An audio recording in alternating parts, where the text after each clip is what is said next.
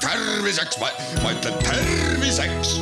saadet toetab Lääne-Tallinna Keskhaigla, vaata ka keskhaigla.ee tere, head Kuku kuulajad, eetris on saade Terviseks ja me räägime täna gastriidist. mina olen Ingela Virkus ja koos minuga on stuudios Lääne-Tallinna Keskhaigla endoskoopia osakonna ülemarst doktor Külliki Suurmaa, tere! tere! mis see gastriit siis on? No gastriit on eh, maolimas kestav põletik lihtsalt öeldes. miks see tekib, kellel selle tekkeks suurem soodumus on? no maolimas kestav põletik võib tekkida igas eas, võib öelda nii. et ähm, mis põhjused on, põhjusi võib olla väga erinevaid, on, me jagame seda gastriiti ägedaks ja krooniliseks ja kõik, mis on lühiaegne, see on äge, mis mööduv ja krooniline on see, kui mingi probleem kestab kauem kui näiteks kolm kuud aga kas seal on ikkagi mingid sellised ja. tegurid, mis seda võivad põhjustada, mitte siis kroonilist, aga sellist ägedat? Äh, no ägedad on kindlasti mitmed tegurid, ühte ma kohe ütlen ära, et otseselt toit ei ole gastriidi põhjus et ta võib mõjutada enesetunnet ja, ja vaevusi, aga ta otseselt ei põhjusta gastriiti.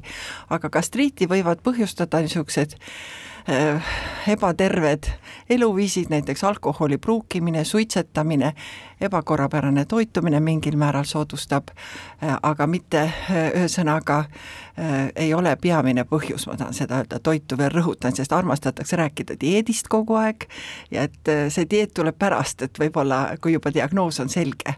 aga siiski ma soovitan noortel ja ka vanadel, et alkoholi tarvitada ikkagi mõõdukalt ja mitte väga sageli ja samuti samuti see suitsetamine on siiski ka väga kahjulik tegevus, et eh, see on väga meeldiv viimasel ajal näha, et siiski seda suitsetamist on tunduvalt vähem kui aastaid tagasi, aga siiski esineb. Mhm.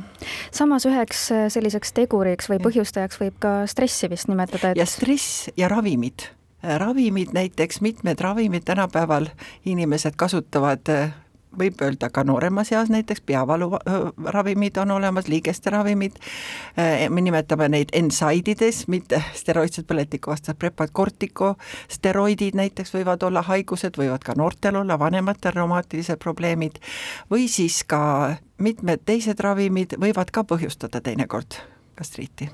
kuulajal võib-olla tekib küsimus, et kuidas siis on omavahel seotud stress, selline vaimne tervis ja mhm. magu, et mhm. kuidas üks mõjutab teist? No see stress on, see on ikkagi aju, ajutegevus, eks ole, närvipinge.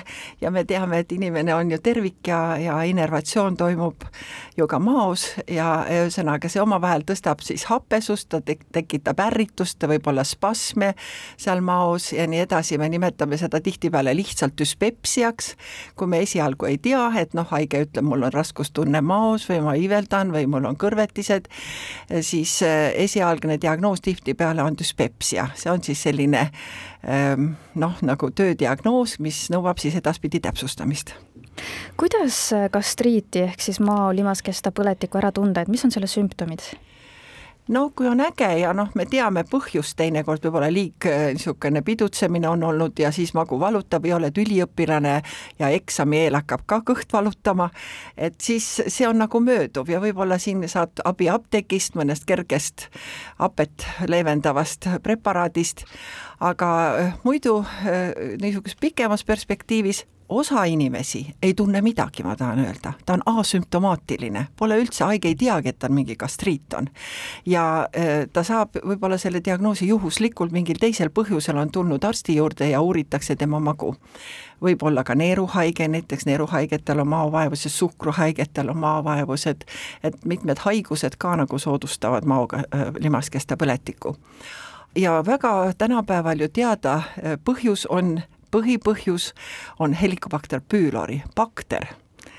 Bakter, infektsioon, eks ole, teiste sõnadega. Ja me teame tänapäeval ka, et maos on rohkem bakterid kui ainult Helicobacter pylori, aga tema küllaltki domineeriv bakter on, kui tema juba seal maos ennast sisse istutab ja talle väga meeldib see keskkond, eriti maa alumine osa, ja tänapäeva perearstid on niivõrd tublid, et nad diagnoosivad ikkagi päris täpselt ja, ja kui haige tuleb äh, vastuvõtule kõhuvaluga või, või kaebab äh, mingit raskustunnet, ebamugavustunnet näiteks lühikese noh, et sööb näiteks vähe korraga ja kõht on täis ja see ei ole päris normaalne, see võib olla ka noor inimene, see võib olla isegi laps teinekord.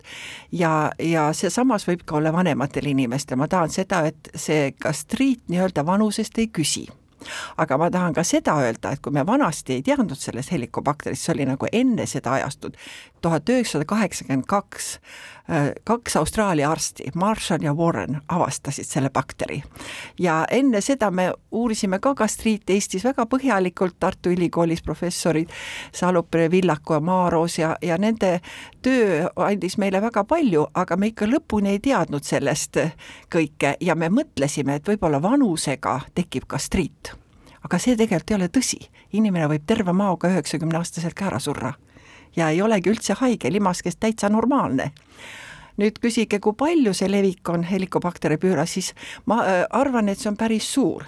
kui Nõukogude Liidu äh, lagunemise ajal ja Eesti iseseisva perioodil oli see nakkusprotsent ligi üheksakümmend protsenti populatsioonist, siis tänapäeval tõenäoliselt on ta tunduvalt madalam, sest mida kõrgem elatustase, mida puhtam on keskkond, seda vähem helikobakterit. Ja ta levib inimeselt inimesele see on nagu kindlaks tehtud. aga kust see kõigepealt saadakse, et mis on see esimene nii-öelda nakt-? no vot seda ma ei julgeks öelda, tihtipeale öeldakse, et nakatumine toimub lapsepõlvest, võib-olla ikkagi keskkonnast ka. aga ega väga sada protsenti veel kindel ei ole selles. aga toidust aga... mitte? Ei, toidust mitte. Ja, ja ühesõnaga see bakter, kui ta ennast istutab sinna mao, ütleme, maos on korpuse osa, eks ole, ja alumine osa, antrum, ja seal on väga soodne talle keskkond, et ta võib seal olla aastaid ja inimene ei tunnegi mitte midagi. et teinekord haige, kes tuleb, ütleb, mul on gastriit ja tal on palju vaevusi, sa näed, et tegelikult tal ei olegi midagi erilist, mõnel ei olegi seda helikobakterit, siis me nimetame seda sensitive stomach, eks ole, tundlik magu aga äh, selle bakteri ümber käib see tants ja ta võib tekitada nii ägedat gastriiti kui ka kroonilist, aga äge läheb üle krooniliseks. ja siin on arstidel juba kindel niisugune skeem, võib öelda, teada, mismoodi see areng toimub, et äh, see helikobakter pülori on, miks ta on nii oluline, on see, et teda on arvatud äh, teadlaste poolt ja üle arstkonna poolt esimeseks kartsinogeeni gruppi kuuluvaks bakteriks tema on võimalik maovähi tekitaja ja sellepärast me peame sellele tähelepanu pöörama. et Eestis on äh, kuuendal kohal maovähi esinemissagedus, umbes kolmsada juhtu aastas. kui levinud aga gastriit iseenesest on?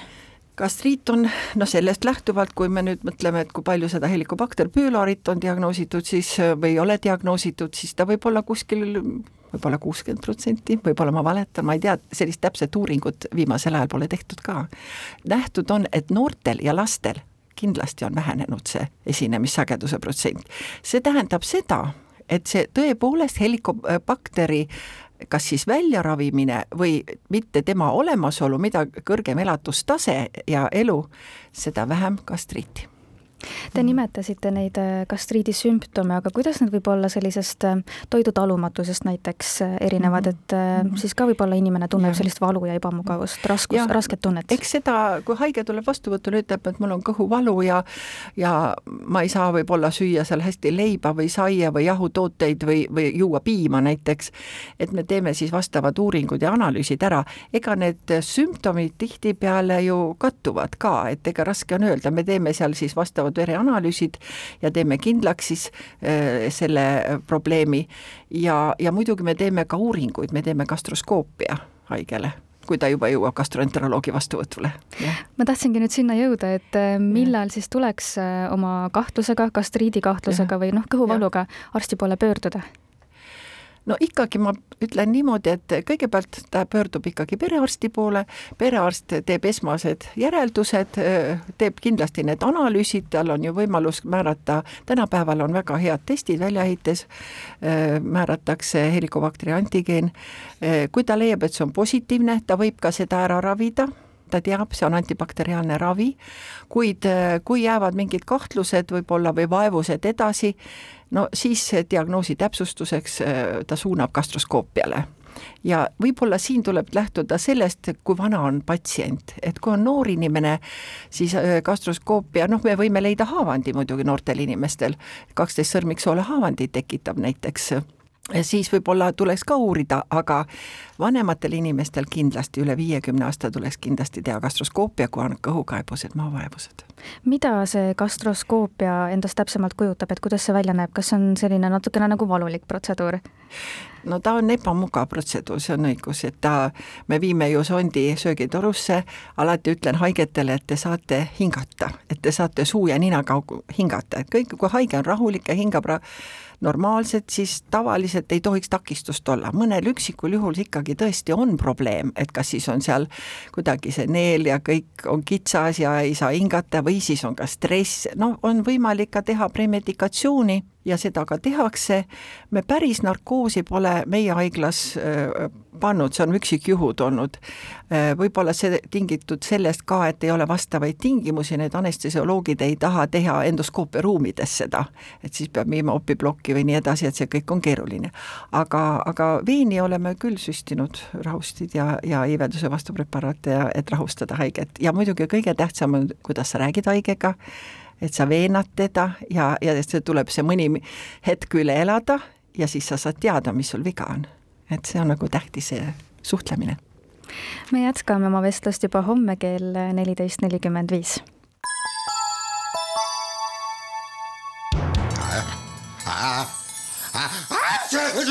terviseks, ma ütlen terviseks. saadet toetab Lääne-Tallinna Keskhaigla, vaata ka keskhaigla.ee